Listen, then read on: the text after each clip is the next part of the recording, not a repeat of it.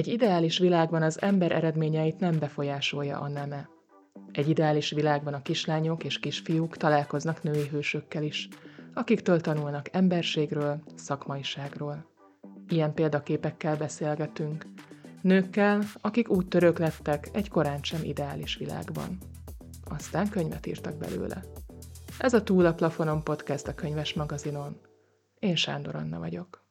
Én nem bűntudatot akartam ébreszteni. A bűntudat az mindenkinek az első felismerés, hogy így élnek emberek, én megzuhanyozhatok, itt meg nincs víz. És a következő lépés az a lelkiismeret furdalás vagy hibáztatás. Mind a kettő tévút. Bód és Kriszta író, pszichológus, dokumentumfilmes, a Van Helyed Alapítvány és Alkotásközpontú modellprogram létrehozója. Mintegy száz dokumentumriportot készített a Magyar Televíziónak, majd az Ózdi hétes telepen szervezett alkotótábort.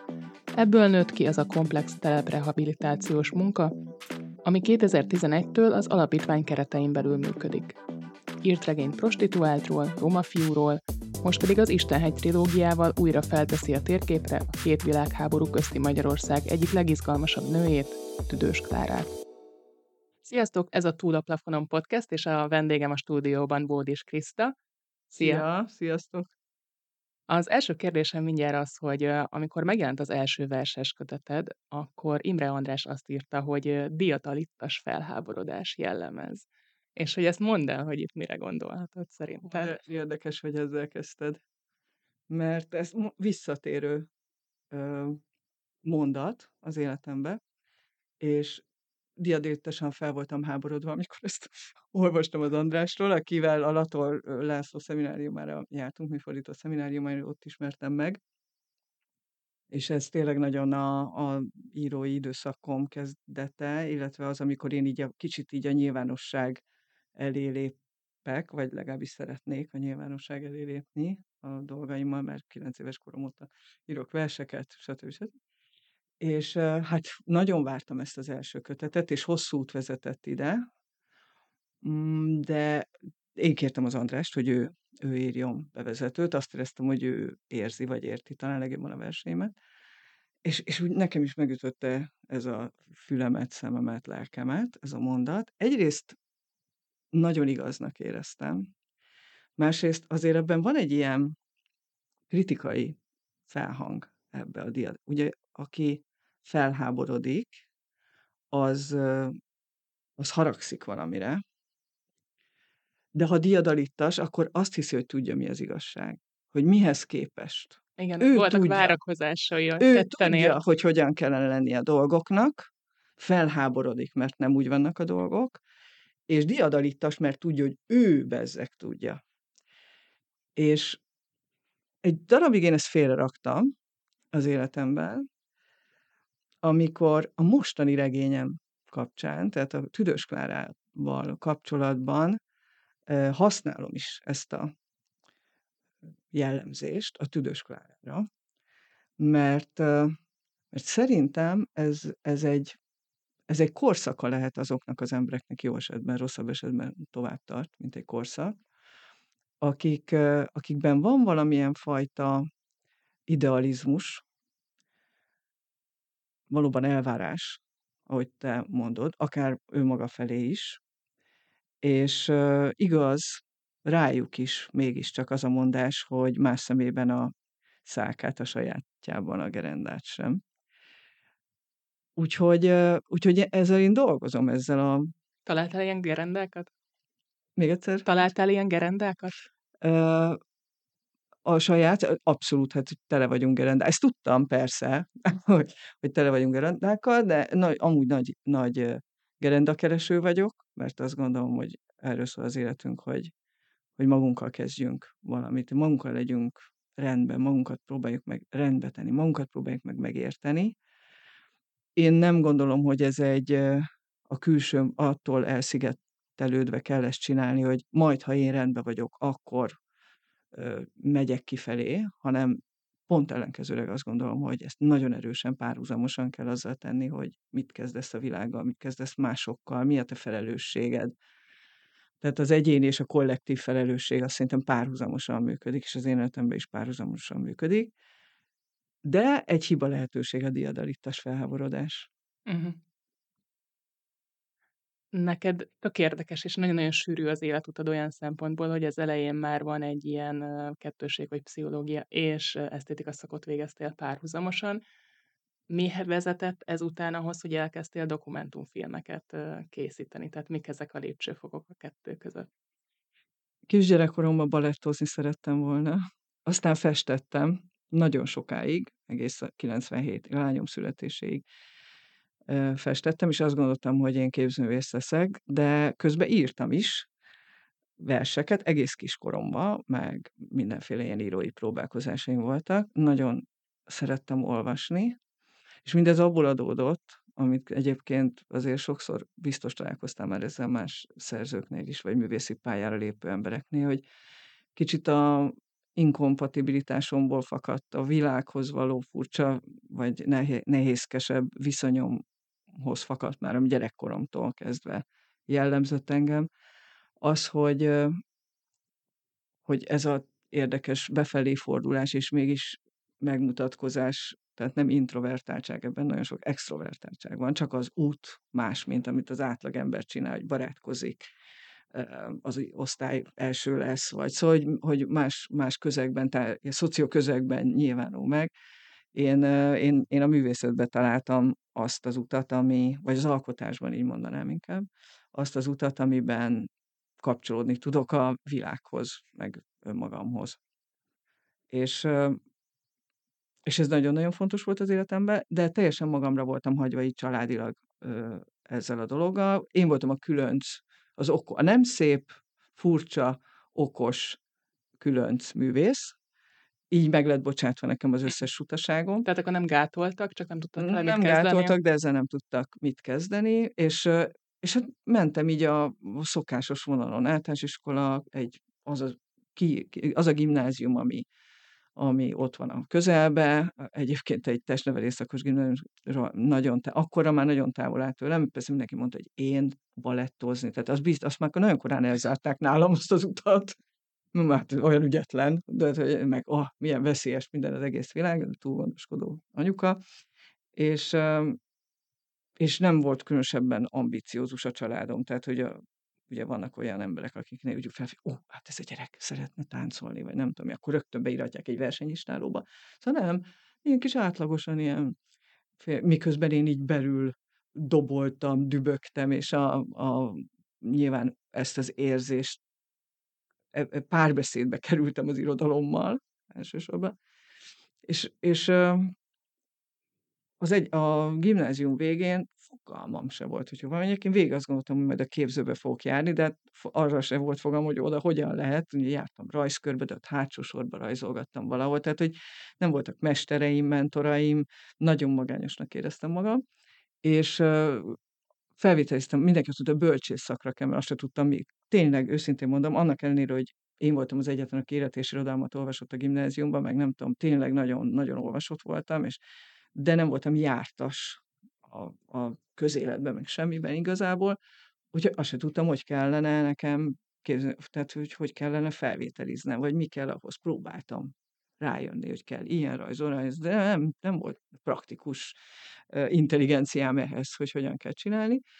És akkor ott mentem, amit a tanáraim mondtak, bölcsészkar, akkor magyar töriszak, magyar töriszak, mert jó voltam magyar töriből, ez még a szocializmus, a szóbeli felvételimre emlékszem, ahol szabadságharcot húztam, ahol kifejtettem, hogy máig nem valósult meg a 12 pont, felsoroltam, hogy miért, és összekötöttem 56-ta, és nem tudom, és ilyen fagyott csönd volt. Hát gondoltam, hogy egyetem, hát történelem, hát ők tudják az igazat. Én egy ilyen ellenzéki gondolkodású családban nőttem. Apukám hallgatta Szabad Európát ah. egész éjszaka, szamizdatot terjesztett, nem tudom, ilyen körökbe járt. Én is abszolút ilyen lázadó voltam, és mindenhol kimondtam, amit gondoltam. Iszonyúan ö, parázott mindenki körülöttem miatt, mert velem nem lehetett biztonságosan közlekedni. Hát így se. Úgyhogy föltételezem is, ez is hozzájárult, hogy nem vettek fel, fogalmas is. miért. Másik, ami szerintem hozzájárult erősen, hogy én felnőtt koromban jöttem rá, pszichológusként, hogy diszgráfiás vagyok, és ez a szörnyű kettősség, hogy a nyelvtan, magyar nyelv és irodalomban a magyar nyelv az nekem egy teljesen más kategória, mint egy átlagos embernek. Tehát én másképp viszonyulok a nyelvhez egész egyszerűen a agyszerkezetem miatt. A, most nem csak az egyszerű tünetekről, mint a betűtévesztés, vagy a helyesírásnak a megtanulhatatlansága. Tehát én százmilliószor leírhatok ellipszinos szavak, betűk, szavakat, meg pontos éve, soha nem tudok, vagyok benne biztos, uh-huh. hogy azt tudja. Még akkor is, amikor biztos vagyok benne, akkor is megnézem. És, és hát ez elég lehetetlenítette ugye a fel, valószínűleg a, a mm. felvételimet. Szerintem azért magyar tanárom annyira szeretett, hogy azért mentem át az érettségi, meg kijavította a dolgozatomat, mert any, ő nagyon félt, hogy, hogy vagy volt annyi esze, hogy így rájött, még azelőtt, hogy erről beszélt. Hát rájött, hogy ez nekem, itt valami másról van szó, szóval nem vagyok lusta, nem vagyok, izé, akkor még ez nem, ilyeneket nem szűrtek gyerekeknél se. Hát, még talán a diszlexia, de nem voltam diszlexiás, csak diszgráfiás sőt, inkább gyorsolvasó, vagy közel gyorsolvasó voltam, vagy szóval az olvasásra nem volt gondom. Um, szóval, szóval nem sikerült ez a dolog. És ez a nagyon mm, zárkózott, teljesen, hogy is mondjam, nem funkcionáló az át, a normál életben, vagy egy a praktikus, hétköznapi életben nem funkcionáló ember, aki én voltam, gondoltam, hogy úgy fogom ezt megoldani, ezt a magánéletrészt, hogy gyorsan férhez megyek, éppen, tehát volt egy szerelmem, de hát, és akkor majd ez így, az ott úgy meg lesz, az olyan, ez egy ilyen minta, egy ilyen recept, hogy, hogy ezek így működnek, hogy férhez mész, gyereked lesz, felneveled, nem tudom. És, a, és aztán mellette van egy nagy élet, ami, ami nekem az alkotásról fog szólni. És, és emellett a tudás megszerzéséről valamilyen módon. Tehát az jó lenne, ha én ezt felsőfokon tehetném, és egyetemre járnék, mondjuk. De hogy hova, fogalmam sem volt, úgyhogy jött két év, amikor dolgoztam, hát az nagyon vicces, hogy én ebben így műszaki könyvtár raktárosaként dolgoztam.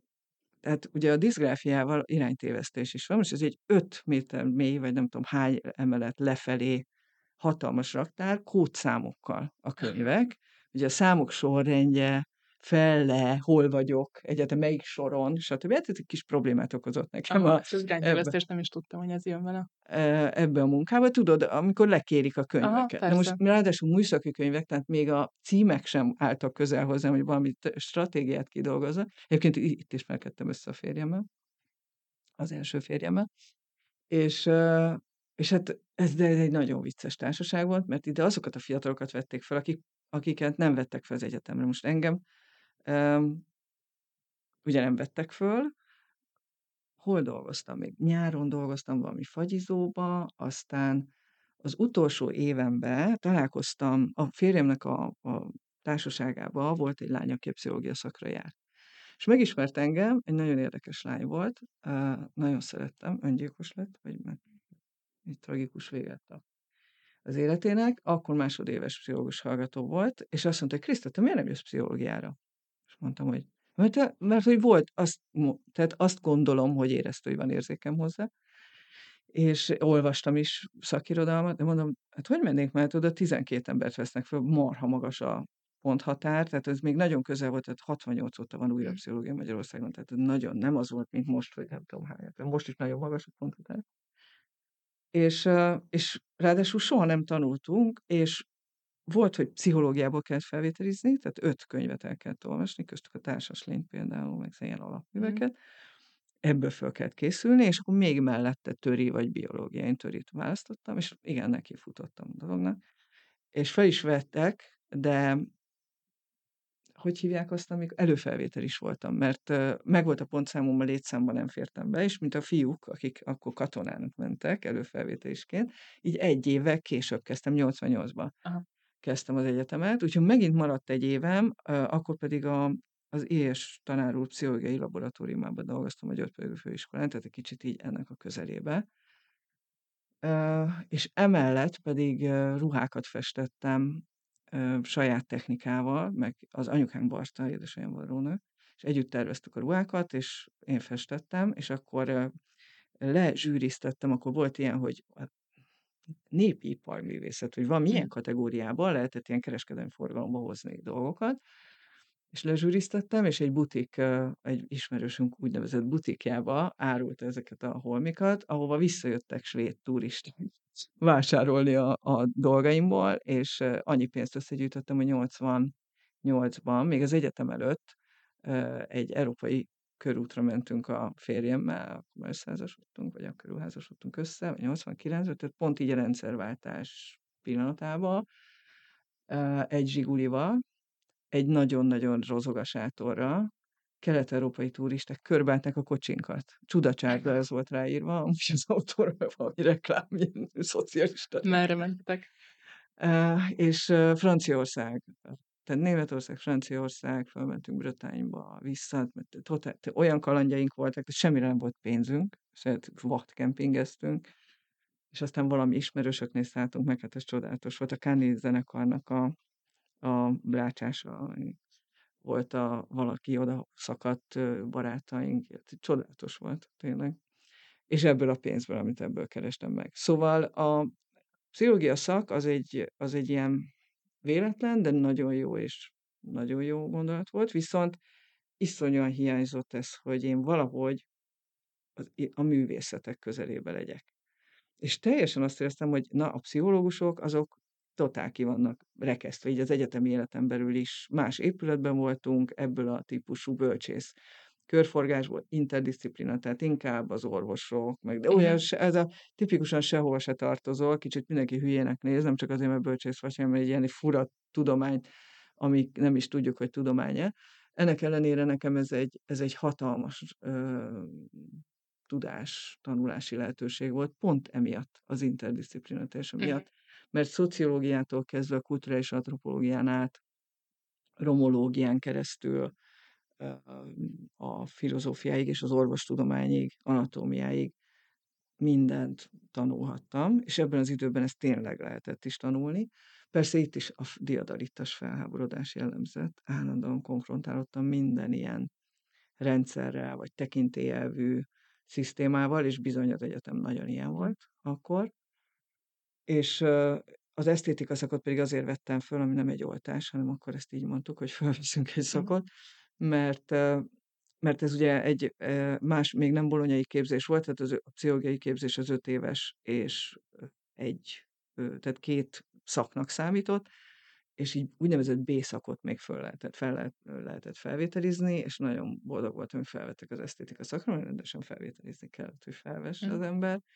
Na és az egy másik csodálatos világ volt akkor az egyetemen. Na az pont az ellenkezője, tehát az nagyon erősen bölcsész és szellemtudomány és filozófia és, és művészet közeli, egy nagyszerű tanárokkal, én Ancsel Évánál is tanultam, de mondjuk a fiatal Spiróig, bezárólag a Radnóti-tól kezdve a Almási Tamásig, és a, bocsánat, Almási Miklósig, és a, a Mesi Tamás nyilván a dokumentumfilm vonalon, de az más. Én filmezést soha nem tanultam. Mhm.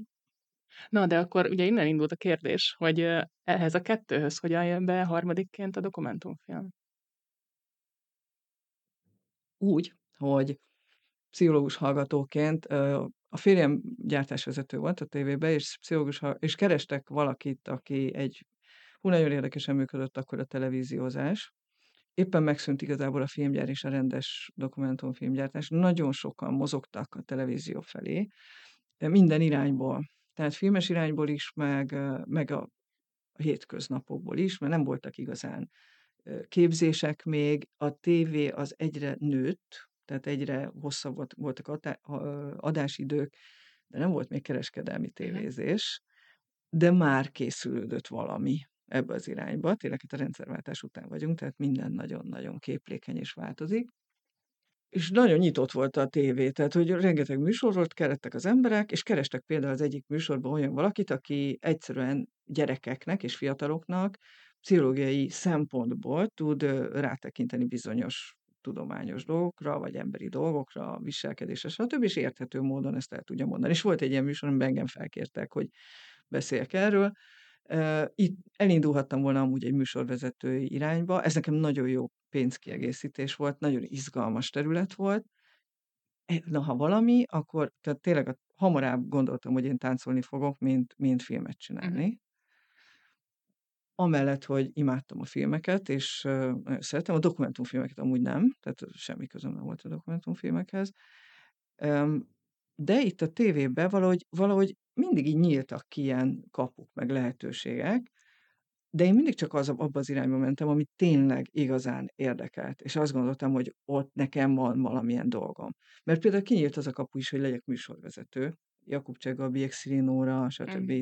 állandóan hívogattak be, találkoztam ezek az emberekkel, akik később ugye ezek erre a pályára álltak, de valahogy nem is választottak be, de nem tudom, volt olyan, hogy beválasztottak, és valahogy nem, annyira nem érdekelt.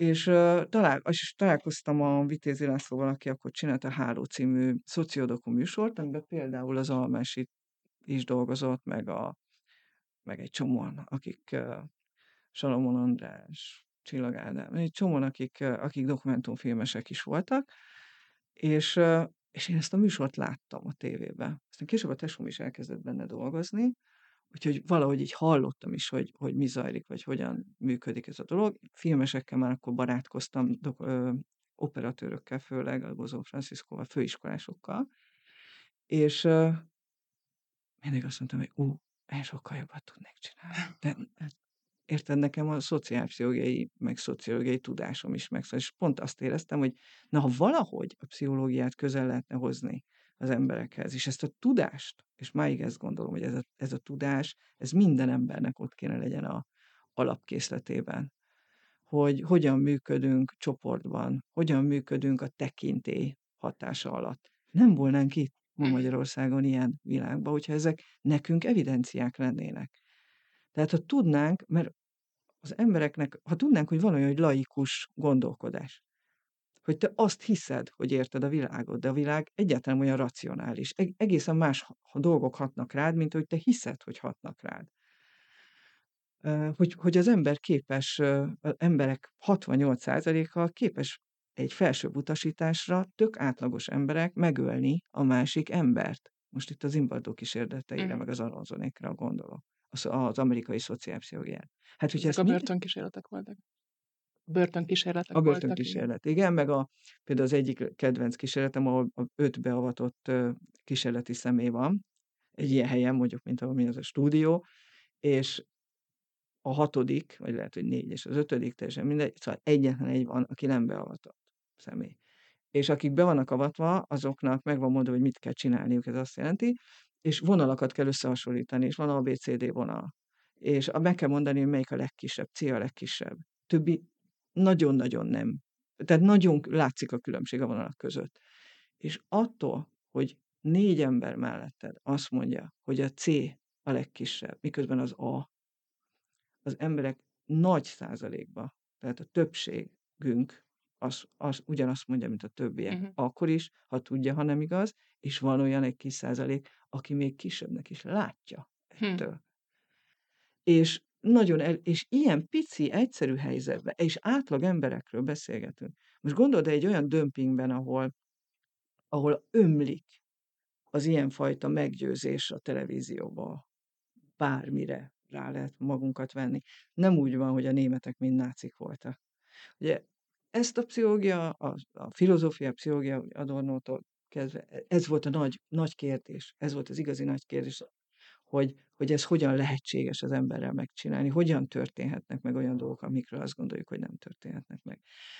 Azáltal, hogy mi nem ismerjük, nem értjük magunkat, és nem értjük a világot, azáltal bármit, és egyre inkább bármit meg lehet velünk csinálni, és nagyon kemény elvárás elvárni az emberektől, hogy ne hagyjátok. Ez nem ilyen. Nem úgy van, hogy persze, senki nem akarja hagyni, sőt azt gondoljuk, hogy nem hagyjuk. És akkor emiatt volt egy ilyen missziós elképzelés is ebben, hogy akkor te viszont igen, megvan hozzá a tudásod, igen, megtanulsz egy nyelvet, egy képi nyelvet, és akkor igen, hát, ha ez jobban átmegy. pontosan.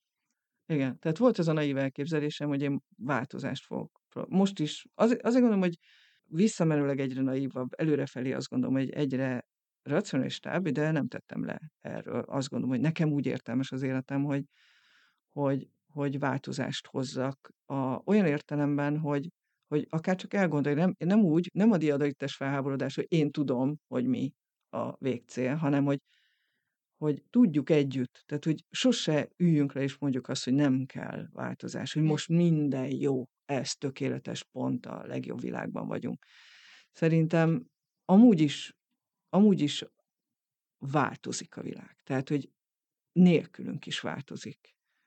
A részvételünkkel talán esetleg jobb irányokba, vagy másképpen, vagy harmonikusabban, vagy a kiegyensúlyozottság irányában változik. És minél többen hisszük ezt, na jó, szóval ezek a missziók, igen, ezt jól látod, és akkor visszatérve a tévére, hogy nekem az nagyon fontos volt, hogy, hogy akkor viszont egy, egy ilyen értelemben, és most nem lenézve a többieket, hanem magam felé támasztott igény, egy minőségi dolgot vihessek be, hogy igen, ez egy nyelv, ami meg lehet szólalni, és igen, a, a médiának hatalmas szerepe van, felelősség, és hát ha ezt az igényt és felelősséget, ezt még így mm, nem egymagamban csinálom, hanem nem tudom, valahogy ezt meg tudom ott jeleníteni. Nem tudtam különben. Igen, Igen. azt, amit te csinálsz, azt ma így érzékenyítésnek hívják, Igen, mert nagyon ilyen, ilyen mm, társadalmi szoció témákat vettél, ugye prostitúcióról forgattál, mélyszegénységről, cigánytelepekről.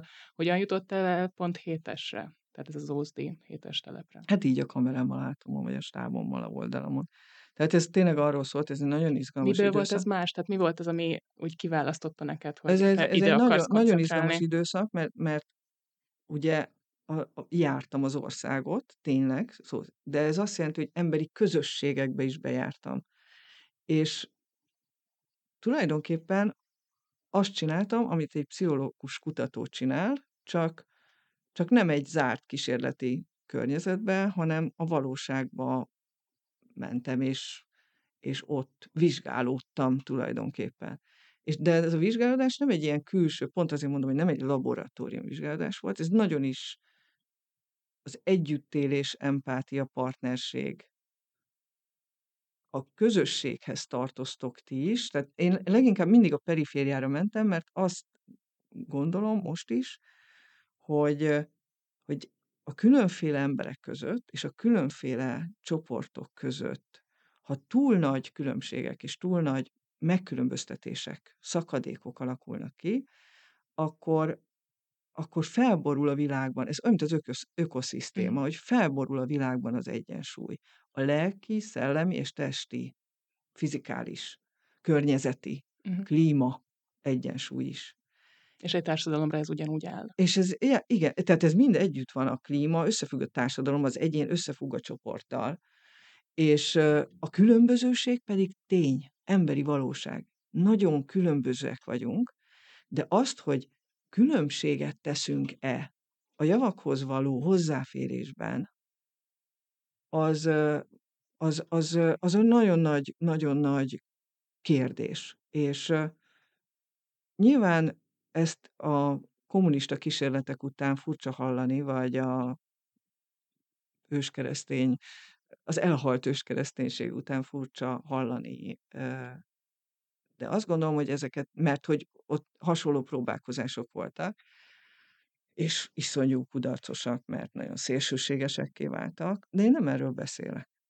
Én az ökoszisztémáról Mhm. beszélek, ami itt van bennünk. Én nem valamit kívülről akarok ráerőltetni az emberekre, hanem, hanem megmutatni, hogy mindennek a vágya, igénye bennünk van, és ha van entrópia, akkor szerintem van egyensúly, ökoszisztéma, és, és, és ráadásul azt gondolom, hogy ezek együtt vannak. Tehát, hogy együtt van a dialektika a, a hérakleitoszi filozófiával. Tehát, hogy, ez, hogy igen, van az, hogy építkezünk, de az is van, hogy a paradoxonok együtt feszülnek egymásnak a világba. Hogy, hogy itt az egység az valami hatalmas, fantasztikus, fantasztikus dolog, és hogy én arra vágyom, hogy, hogy ettől ne féljünk, hogy ezt valahogy ezt meg tudja mutatni valamilyen módon közel. És te aztán nagyon közel mentél ehhez, hogy, hogy elkezdtél ebben És- dolgozni, és, ami, és így érdekelne, csak mert hogy használod sokszor, amikor beszélsz a munkádról, meg a, a Van Helyed Alapítványról, ez a settlement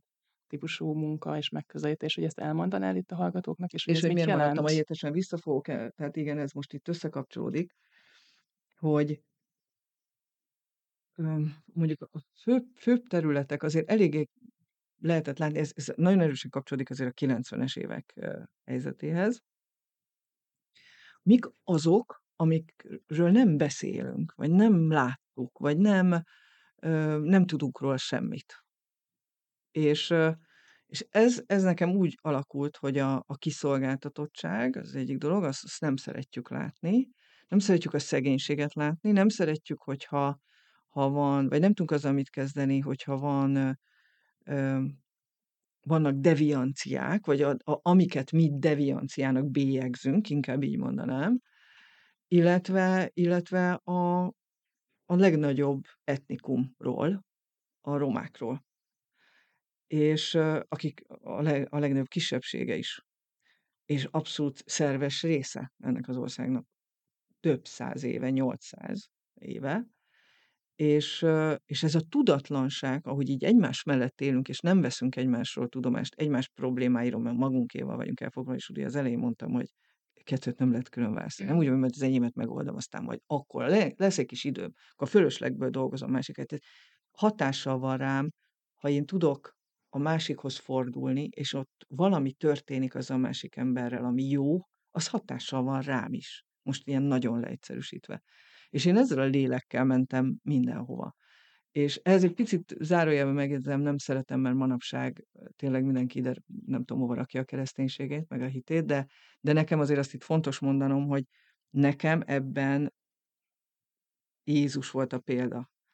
A, a hitem az arról szól, hogy nem közösségekhez, meg gyülekezetekhez tartozom elsősorban, hanem van a világban egy olyan minta, ami nekem a leg, legjobban mutatja azt, amit eddig erről beszéltünk, hogy ezt hogyan lehetne megvalósítani, és hogy nekem a Jézusi szeretet az amellett, hogy ez egy nagyon egyszerű és nagy titok, az isteni szeretet, hogy ez a va- világban hogyan nyilvánul meg, az nekem mindig cselekvés. Mhm. Az mindig feladat, az mindig valami, Hát ő nagyon konkrét és direkt mintákat mutatott, tehát így fogta magát, és oda Hát ment az valami egyszerű. elutasítottak Egyébként, egyébként én múltkor azért sírtam el magam, mert hogy, hú, hogy tulajdonképpen hol tartok én, hogy az, ez a tűfokán átmenetel, hogy ha mindannyian, hogy milyen egyszerű dolog, nem? Tehát tényleg mindannyian, menj oda, az apukámék ilyen társaságban, fiatalon, ők azt csinálták, és nekem ezek példák az életemben,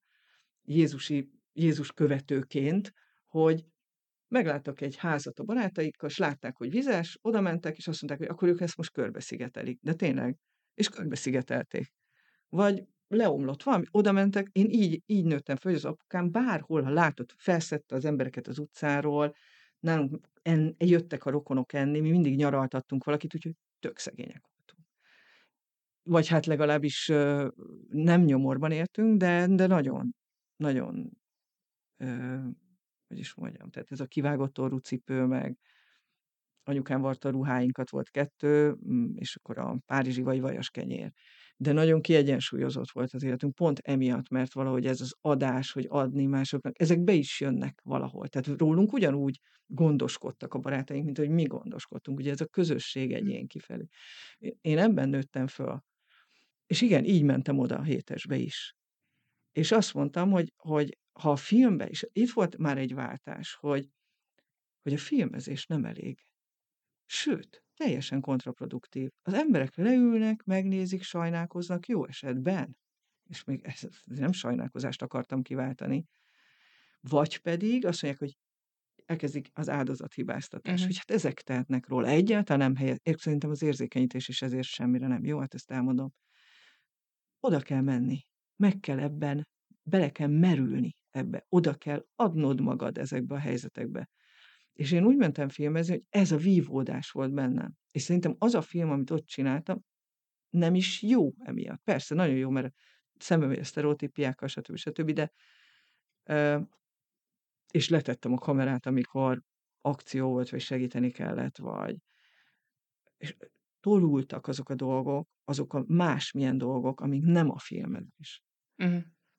És akkor még az az időszakban ezt még megpróbáltam együtt csinálni, és, és azt mondani, hogy akkor, akkor a filmekben együtt van a segítés, a közelmenés és a partnerség. Én így menekítettem prostituáltakat például, vagy hozta, hoztam, segítettem kihozni a börtönből a Helsinki Bizottsággal, és közben forgattam, és megmutattam azt, hogy a prostitúció nem az, amiről ti beszéltek.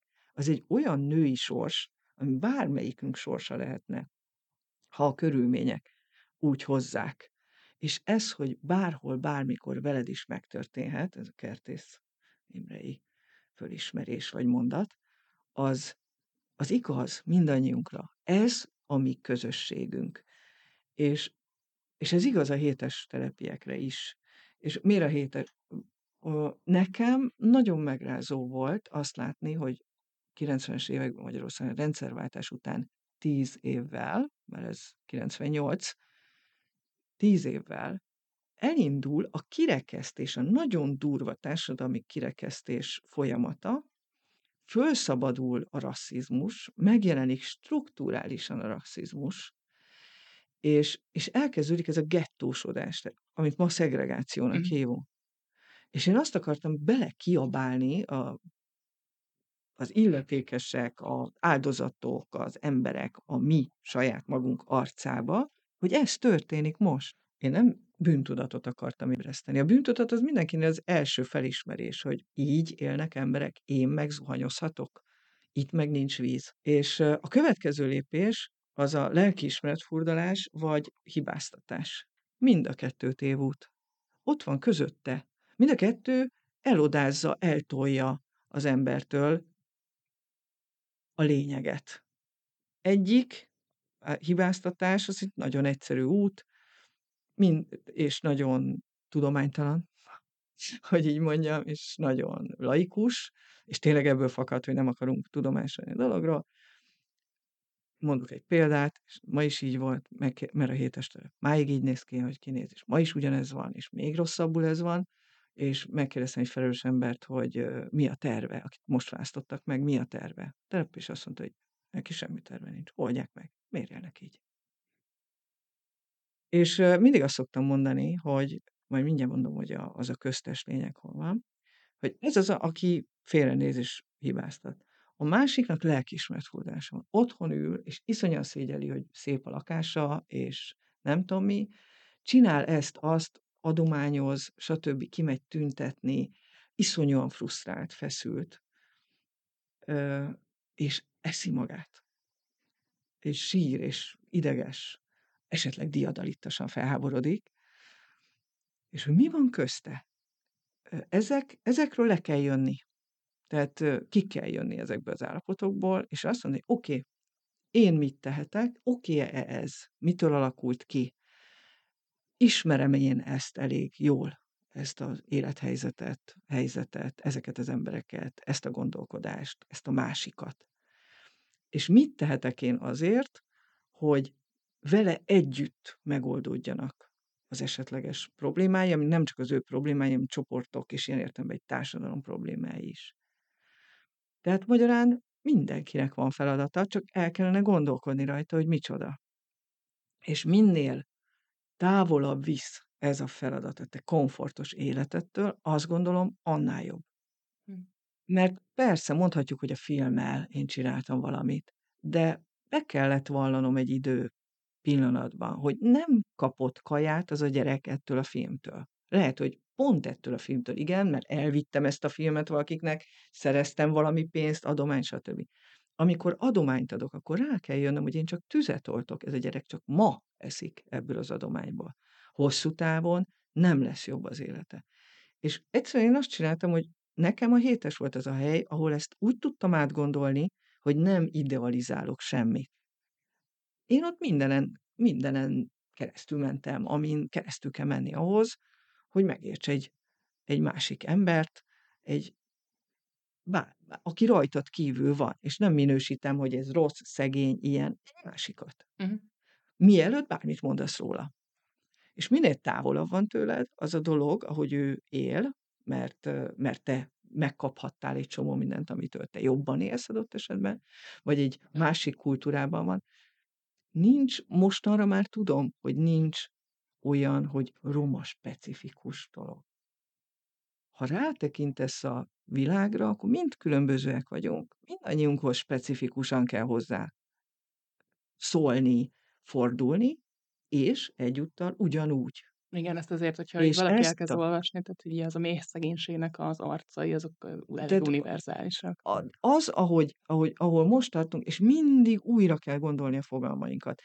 Én még 2 héttel ezelőtt simán mondtam azt, hogy roma ügy, ma már ezt sem mondom. Azért egyébként, mert roma értelmiségiekkel is körülvé vagyok körülvéve, ahol arról beszélgetünk, hogy a roma részvétel az adott esetben fontosabb, mint a proroma segítőknek a munkája. Hol tartotok a Van Helyed Alapítvánnyal? Mert azt, hogyha kicsit valaki utána olvas, akkor látszik, hogy itt azért egy ilyen nagy csúcspontok és mélypontok voltak, nem teljesen elválaszthatóan a magyar állam és kormányzati döntésektől, de hogy lett nektek most aztán egy Dán támogatótok, egy alapítvány, és hogy beszéltél korábban arról, hogy óvoda lesz, iskola lesz, tehát hogy ez a rendszer, amit elkezdtél felépíteni, ami nagyon sok szinten és, és párhuzamosan és különböző területeken dolgozik azért, hogy emancipálja ezeket a társadalomnak ezeket a csoportjait. Hol tartotok most? Igazából most az a cél, hogy olyan emberek, akik nem férhetnek hozzá elsősorban minőségi oktatáshoz és tudáshoz, ez most, ha jól érted, akkor ez bárki lehet, Hm. azok számára, ha volna egy lehetőségünk, hogy átalakítsuk a struktúrát, akkor milyen rendszert kellene felépíteni, hogy minőségi tudáshoz férjenek hozzá a mai mai állapotukhoz képest, ahol ma vannak. Most ez a végpontból indulok ki, ez tulajdonképpen az én fejemben ez ez lett a célja annak annak a sok munkának, amit a filmezés, meg a terepmunka, meg stb. Aminek rengeteg állomása volt tényleg. Tehát a az alkotás bevitele a a telepre, és a közösségépítése, és a az e részvétel, együttműködés erősítése. Szóval szám számos pontja van ennek a munkának, de végül is ahhoz a a feli az a felismerés, hogy strukturális változásokra van ahhoz szükség, hogy hogy ezt országosan, egy egész országra is és igazi társadalmi változásokat hozzon, az az egy dolog, de nem politikai pályán vagyok, ahol ahol ezt megcsinálni, és én arra jutottam, hogy ha ezt, ha kicsibe fel tudom ezt építeni, és meg tudom mutatni, hogy ez a struktúra milyen, hogy az ellátórendszert hogy kell hozzáhangolni a az oktatáshoz, milyen szolgáltatásokra van ahhoz szükség, hogy ez a tudáshoz való hozzáférés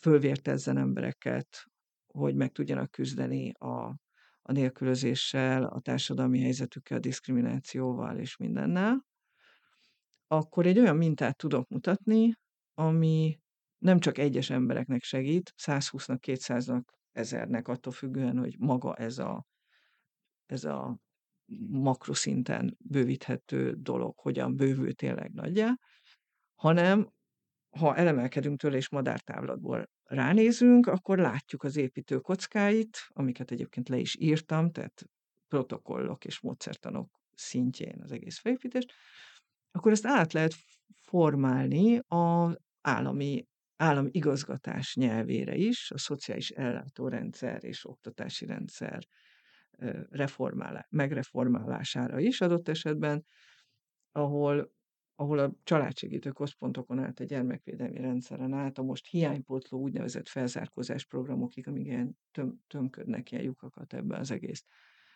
struktúrába, hogy ezt át le lehet gondolni, és újra lehet gondolni. Mennyire nyitottak erre a döntéshozók? Mert ugye ezelőbb azt mondtad, hogy kérdeztél a hétesről, és így igazából De, elvetegette a, magát. de ez egy nagyon régi történet, a, az, a, a, ez nem a hétes telephez kapcsolódik már, Ez világos, csak hanem, hogy hanem van a, egy ilyen terve. ami a hétes tehát az meg a mostani dinamika, hogy hogyha nagyon ilyen el akarnám emelni ezt az egész, hogy mi történik, akkor az történik általában, hogy, hogy egy olyan érdekvezélelt társadalomban élünk, ahol az értékek, az, hogy mondjuk hogyan jussanak gyerekek jó oktatáshoz, lakhatáshoz, stb.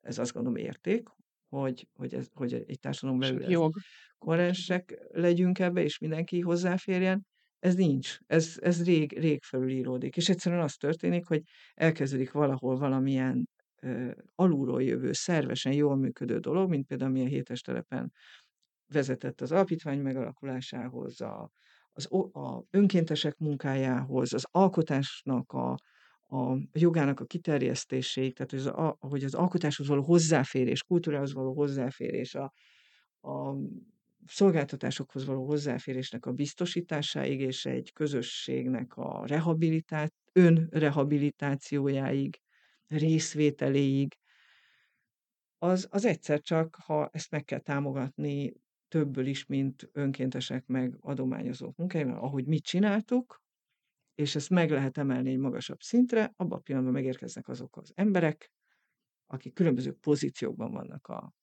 világon, meg a városokban, országon, és elkezdik a saját érdekeik mentén rátekinteni erre a dologra. És akkor darabig szemben állnak azok az emberek, akik a, ebben a feladatokat látják, és azok, akik a pénzt látják. És ez történt a hétesben is. Mi a feladatot láttuk, és, és tudtuk, hogy ehhez mennyi pénzt kell hozzárendelni, hogy sokkal, de sokkal többet el lehessen érni, mert mi nagyon kevésből is nagyon sokat elértünk. És jönnek azok, akik azt mondják, hogy de én azt szeretném, ha ez a pénz a, konkrétan a zsebembe menne, máshova menne a városba, amit én szeretnék, mert hogy akkor más emberek fognak szeretni, és szerintem más problémák, kompetenciák, más problémákkal kell foglalkozni.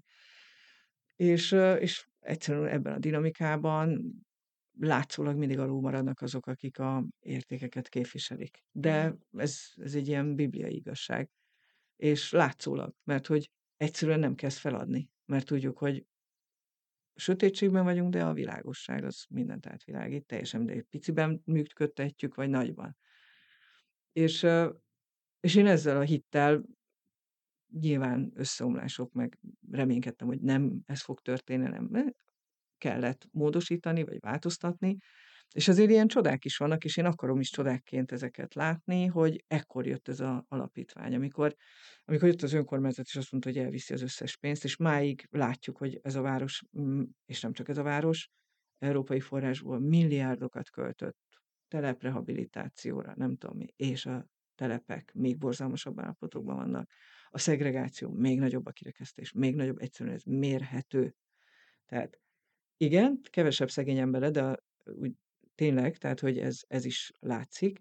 Akik viszont eddig is szegény, ilyen mély szegénységben éltek, és most mély szegénységben, annak már a reménysége egyszerűen mérhető számadatokban, kutatásokban kimutathatóan totál a nullához konvergál, vagy alá, hogy legalább az átlag szegény kategóriába bekerüljenek. Egy ilyen környezetben hogyan tudod mérni a saját eredményeiteket? Ö, nagyon fontos volt számomra, hogy mérhető, két dolog, egy, hogy mérhető eredményeket tudjak mutatni, mert szerintem azt tudja bizonyítani, hogy ha ezt csináljuk, akkor az oké, okay, abból eredmény lesz.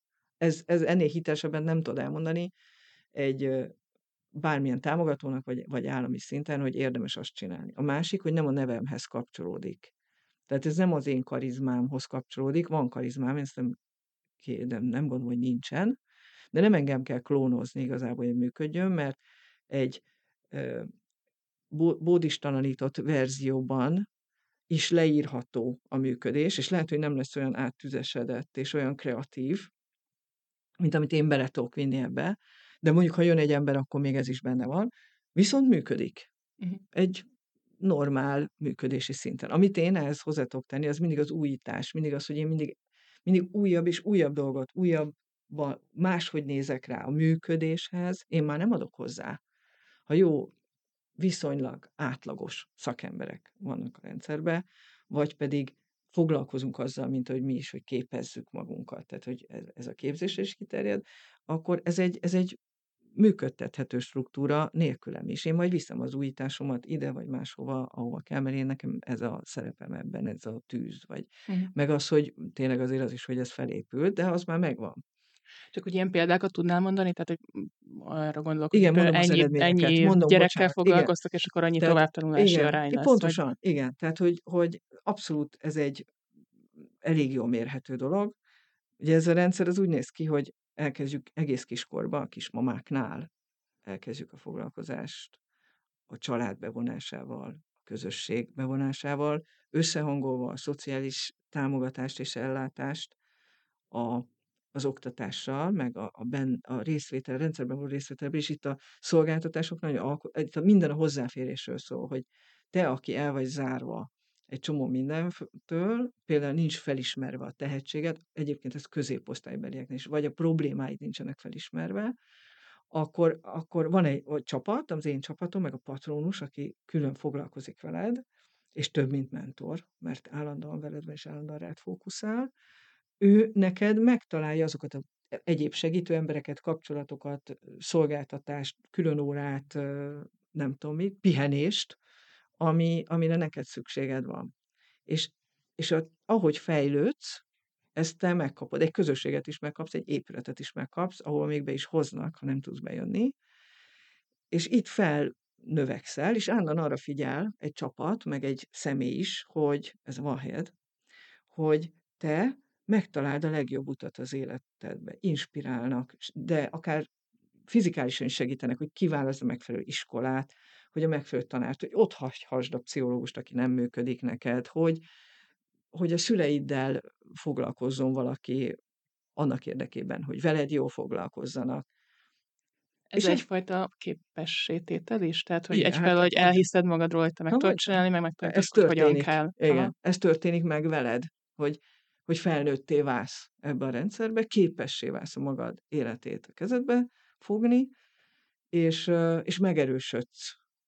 Mert kapsz visszacsatolást önmagadról, és pozitív visszacsatolásokat, mert nyilván azt érdemes megerősíteni, ami amúgy erős, és arra felhívni a figyelmet, egy megoldásfókuszú rendszer vagyunk,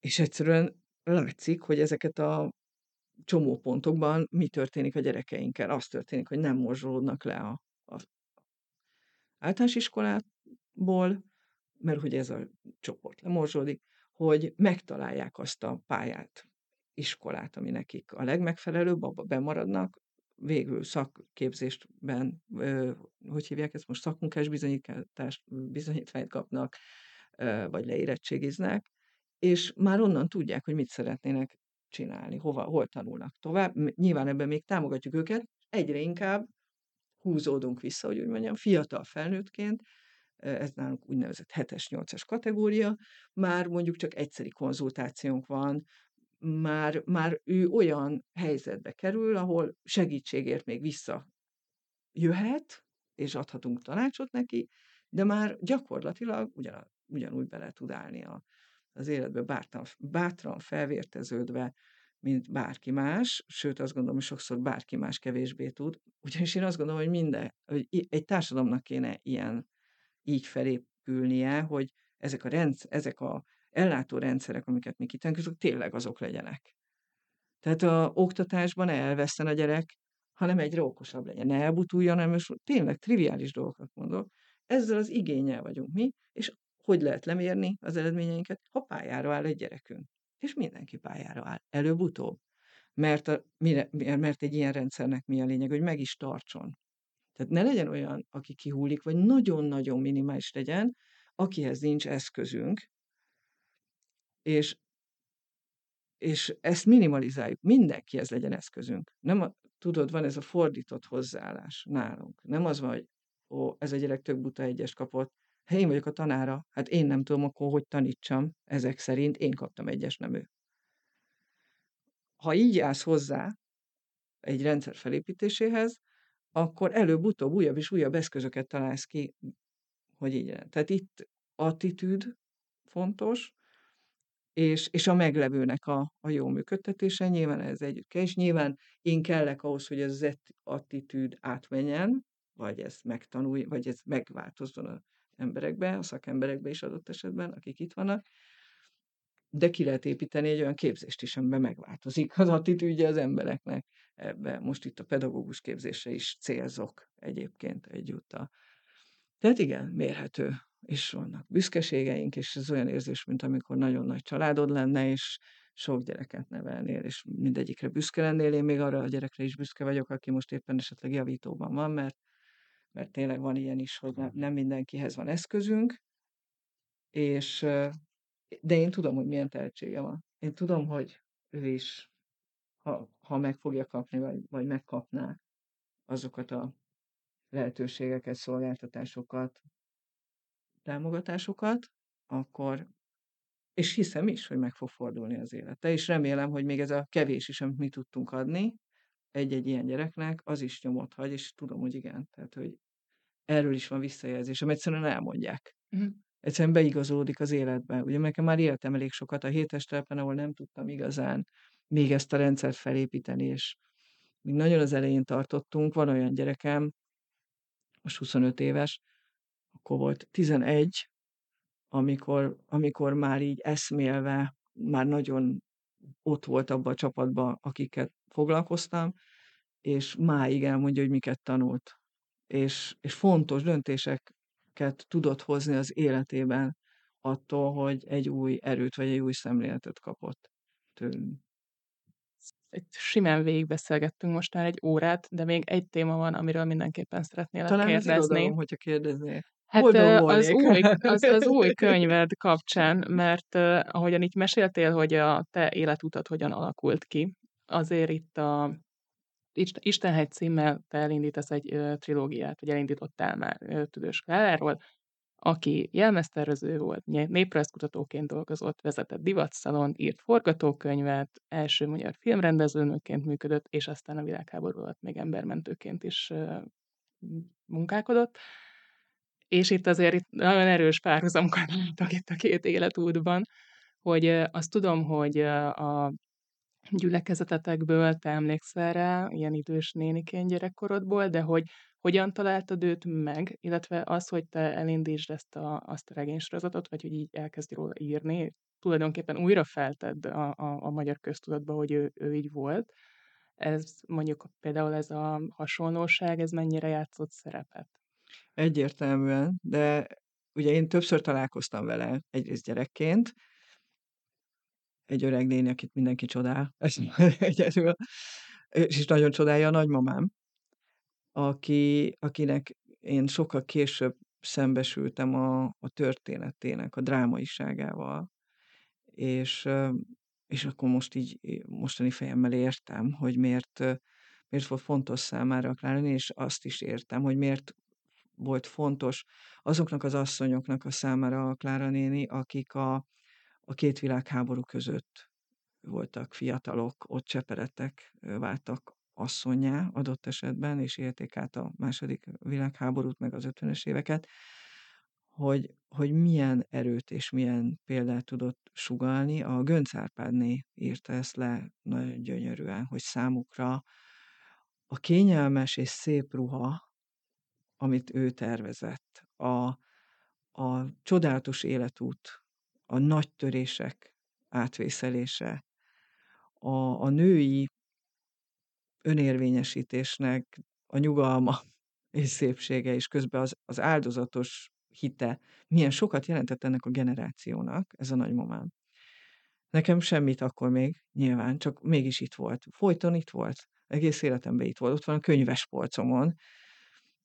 És, és emlékszem is, hogy, hogy ahogy próbálkoz, és milyen érdekes, hogy mindennek tényleg megvan a maga ideje, hogy ahogy próbálkozott a nagymamám a kezembe adni a könyveit. Aztán egy két és fél évvel ezelőtt az anyukám olvasta újra, és, és felhívott, és ilyen nagy lelkesen elmesélte gyorsan az egész történetet. És így hallgatom, hát én ezt nekem el kell olvasni. Hát én nem is emlékeztem, hogy ez ekkora történet. És hát nyilván rögtön éreztem, hogy de hát ez a nő én vagyok, tudod, Bóváni én vagyok, még meg se írtam, de én vagyok.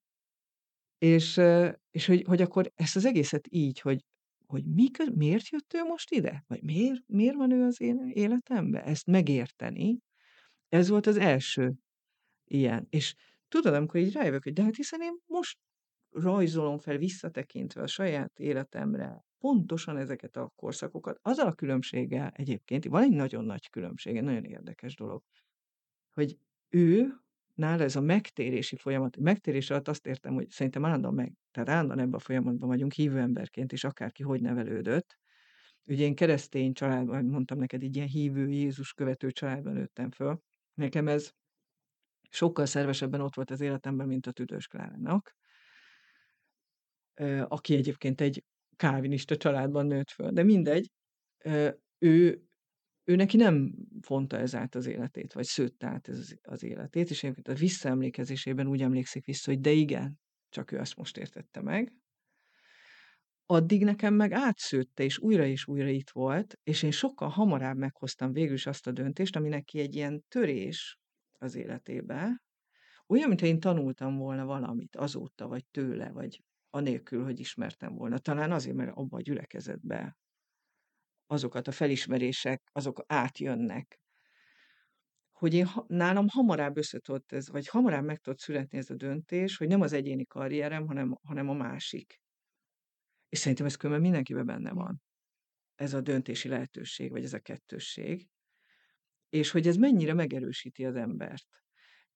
És hogy mennyire megfért egymás mellett, hogy karrier nem, tehát a nagy siker nem, de ő úgy emlékszik vissza a saját nagy sikereire, hogy mindig ürességet érzett utána. Hm. Hogy ott mindig hiányzott valami.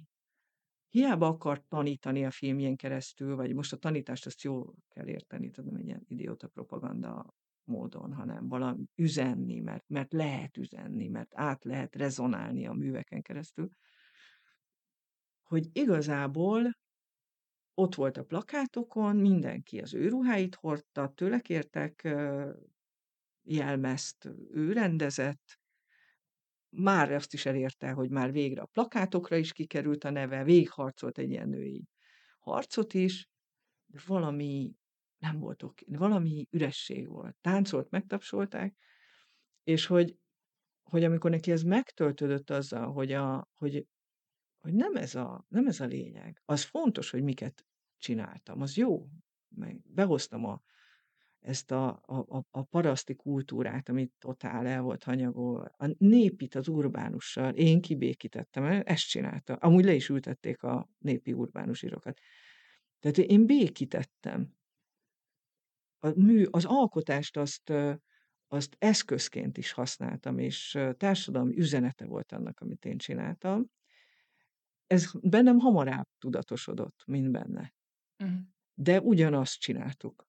Tehát alkottunk, ennek ez, ez eszköz volt, és, és, és azt gondolom, hogy emberi sorsokon ő megmentett egyértelműen életeket. Én nem mondok ilyet ki, mert, mert nem mentettem meg effektíve halálból embert.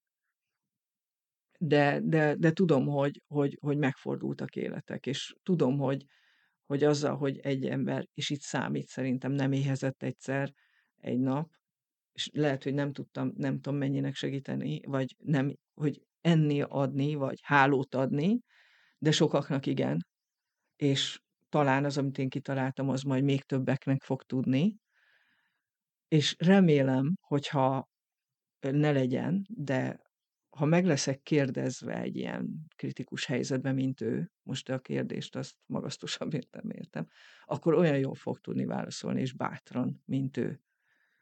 Vagyis, hogy ha menteni kell, akkor mentünk. Akkor nem azt nézzük, hogy mi van velünk, vagy mi a mi kényelmünk. És az, ahogy ő a Jézusi utat látta, amikor ő megtért, az, hogy, hogy például azt mondta, hogy, hogy mosogatás közben is Jézussal vagyunk. Tehát ez nem egy ilyen külön sztori, hogy van a életünk, a hétköznapi életünk, meg elmegyünk imádkozni a templomba. Ez mindig együtt van. És így is írom ezt a regényt, ezzel a fajta tudatossággal, felismeréssel, és úgy, és nagyon, nagyon nagy kihívásnak találom, nagyon izgalmas. Tehát minden tekintetben, önismereti szempontból, írói szempontból, szép, szépírói szempontból, úgy is, hogy méltónak lenni az életműhöz, az, az, az emberekhez, akik hozzá kapcsolódnak és kötődnek, az ő műveihez, ez is nagyon-nagyon fontos. Méltónak lenni, és, és nem, nem kisajátítani őt. Hát ez nagyon izgalmas. Köszönöm szépen. Én is. A beszélgetések végén szokott lenni öt állandó kérdés, amit mindenkitől megkérdezek, úgyhogy most akkor tőled is. Van-e olyan női példaképed, aki nagyban hatott a munkásságodra? Hát most adódna, hogy mondjam, hogy a Tüdős Klára, de azért több volt. Több volt. Nagyon tudatosan kerestem a, azokat a nőket, akik, akik létrehoztak valamit, alkottak valamit, és nagyon tudatosan figyeltem azokra, akik állítólag nem. Mint például a nagymamáim, vagy Uh-huh. az anyukám, akik állítólag hétköznapi nők. És, és úgy rájuk nézni, hogy, hogy, hogy milyenek ők, és mit tanulnak. Tehát nem tudnék egyet megnevezni, de ezt fontosnak tartom, hogy, hogy, hogy lássuk a nőként a nőket magunk körül, bárhol is vannak, mert erre minket nem tanítottak meg. Tehát nem közhely, nem lerágott csont, egyszerűen maszkulin férfi falokrat a társadalomban élünk, ami úgy van berendezve, hogy csak férfiak arcát látjuk mindenhol. És a hétköznapokban is, azok a férfiak, akiket nem látunk, az apáink, akik nincsenek otthon, mindig körülöttük forogtak a női bolygók. Egyszerűen csak a figyelmet át akartam rakni máshova, mert nem akartam egy ilyen függőségi rendszerbe kerülni. Meg akartam találni azt, hogy, hogy azok, akik nem, nem a vezérek, azok kik, és hogy miért nem vezérek, és hogy hogyan. Ez megint az egyensúly. Nem csak ez az egy van, nem csak a fallosz van, ami köré rendeződik a világ. Úgyhogy nem fog tudni mondani, de minden korszakban volt. A Virginia Woolf-tól kezdve a Sylvia a, tehát a művészek, az orvosok, a, és igenis nagyon ér Frida Kahlo, és húsvérnök. Mert az viszont nagyon fontos, hogy a kreált nők, és a férfiak által kreált nők, mint például a Psziché, akit ugye nagyon szeretünk, milyen tévutakra vittek. Az nagyon érdekes volt. A kreált nők, és főleg a férfiak által kreált nők, azok fér, a, ebben a rendszerben születnek, a férfi tekintet által. És a férfi tekintet által született nő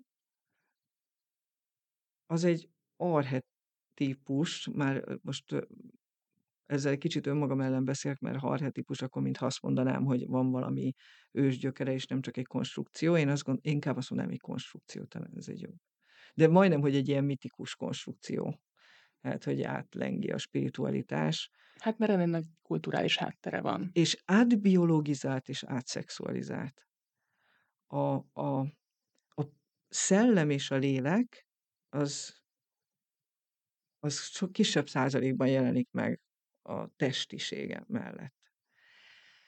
És megvannak ennek a mitológiának a maga trópjai, és mindegyik ilyen műben ezek, a legtöbbe, ezek tetten érhetők. És a psziché az tökéletesen hozza ezeket a trópokat. Azzal, még azzal együtt a izgalmas dologgal is, hogy a férfi hogyan éleszti újrá kicsit a segíts a mitológiában, hogy van az a szobor, akit újra éleszt a Úristen, egy Pigmalion. Ja. Tehát a nő ezekben a munkákban Pigmalion, a Pigmalion effektus történik meg, mert még amikor eltérett ezektől a trópoktól a főhős, az is sztereotipikus az eltérés is, és valahogy mindig ugyanaz történik vele. És nekem a psziché ez erre a legtökéletes. Ugye ő abban tér el a tipikustól, hogy alkot. Tehát be, a szerző beengedi abba a szférába, ahova ő nem, ahova egyébként maga a kortársai sem a történetben nem engedik be. Picit leleplezés kineveti ezzel a férfi társadalmat, hogy milyen viccesen gondolkodtatok ti a női szerzőről, és mégsem engedik ki ebből a skatujából, mert az ő általa megalkotott alkotónő az, az, az attól kell őt beengedni, mert behozza az érzékiséget és a testiséget az irodalomba. Egy, egy holdja a napnak, a, az ő nagy költő szerelmének, aki, aki miatt aztán abba is hagyja az írás, és azzal foglalkozik, hogy az ő művét hogyan ö, rajongja körül, a Bódi filmben különösképpen. Majd majd hozzámegy egy férfihoz, akit szintén ugyanúgy szolgál, aki megmenti őt, tehát egy hódfüggőségi viszony, tehát a megmentőnkhöz való kapcsolódás, tehát hozza ezt az áldozat családon, majdnem családon belüli erőszak, és tényleg a családon belül meg is történik, mert abban a pillanatban, hogy ő függetlenedni szeretne bármilyen szinten, ez a férfi, és nem tudja domestikálni ez a férfi teljes mértékben, megöli.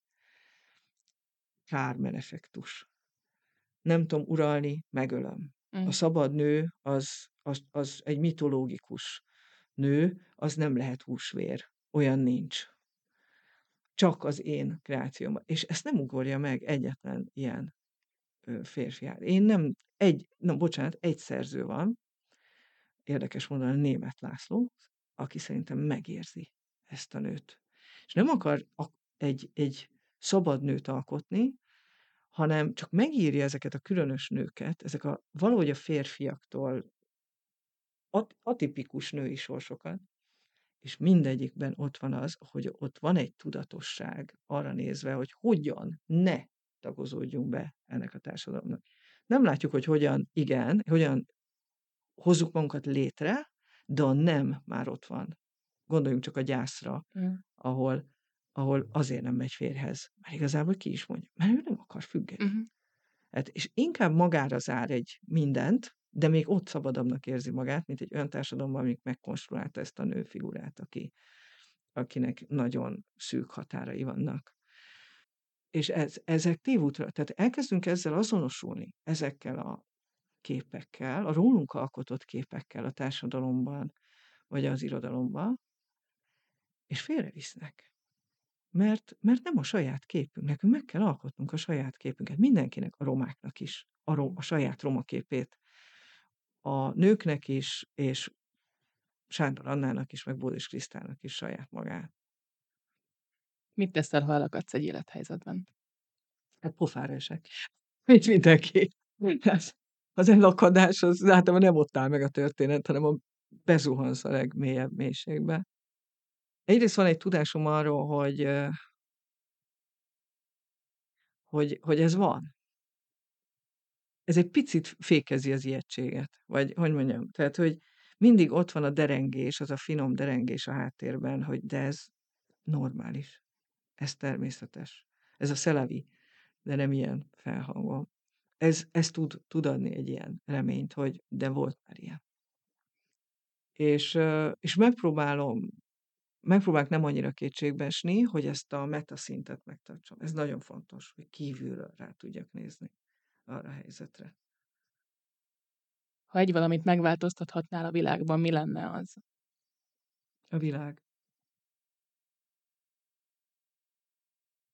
Mit üzensz a 2072-ben élő magyar nőknek? 2072, most hirtelen 50 kimondtad, év és azt sem tudtam, hogy... Hú. Nem tudom, hogy lesz-e még.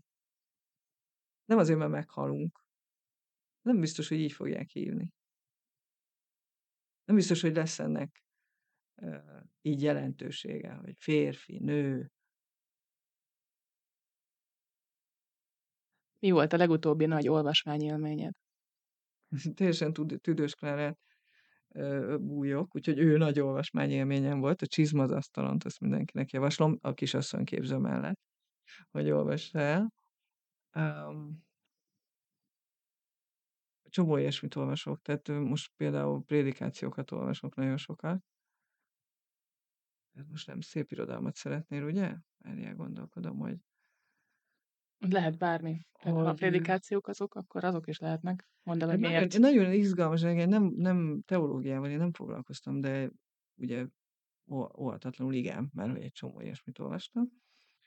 És, és nekem most, most világos, most, most kezdenek ezek az irányzatok, hogy, hogy ez hogyan is működik a, akár csak a református világban. Tüdős Klárán keresztül is látszik, hogy hát tudtam persze, hogy az egyház is megosztott, nem csak vallások mentén belül, és hogy hát ezek, itt is emberek vannak, meg gondolkodási irányzatok, meg nem tudom, mik vannak. De nagyon érdekes volt ezt látni bibliai értelmezéseken keresztül és kifejezetten stílusokon keresztül. Csak hogy mondjak egy példát, hogy a Farkas József, a Berecki Albert és a Ravasz László prédikációjának a különbségei, a stílusbeli különbségei például, hogy ezek, hogy hogy szólal meg egy, milyen nyelven van, van elmondva, ez nagyon, nagyon izgat, nagyon szeretem a, a nyelvnek ezt a, ezt a szabadságát, hogy sőt, engem ez izgat, ez a, mert valószínűleg azért, mert egy nyelvet se tudok igazából. Van egy sajátos nyelvismeretem, és, és ez, ez nagyon foglalkoztat. A Karik Sárának a Tények és Tanúk könyvét olvastam még, ami egy, egy egyrészt kötődött is ehhez, mert ugye ez ugyan, a, a, tehát volt egy találkozási pontja a Karik Sárának a Tüdős Klárával, a, a Wallenberggel való e, embermentés idején, és ez nagyon érdekelt, hogy egy, egy másik szempont, csak hát őt ugye 45 után lekapcsolják a lépcsőházba, és elviszik a gulágra. Elképesztő, ez is. De, de érdekes volt a korszakra, és, és minden érdekel, Bíró Lajost olvastam, képzeld el, novelláit, vagy igen, kis publicisztikáit, tehát valami elképesztően izgalmas. Inkább ilyen kortörténeti érdekességként is, de, de úgy is, hogy mondjuk egy szerző, akit így, vagy Adit, vagy Dénes Zsófiát. Most mondom mindent, főleg Blaha Luisa naplóját például. És hát ezek mind nagy hatással vannak rám, mert egyébként egy központba futnak össze, hogy ezt a korszakot hogyan tudom megírni. Köszönöm szépen, hogy eljöttél. Köszönöm, Köszönöm a beszélgetést. Is. És köszönöm nektek is hallgatók, hogy velünk voltatok, és hallgassátok a Könyves Magazin többi podcastjét is. Sziasztok!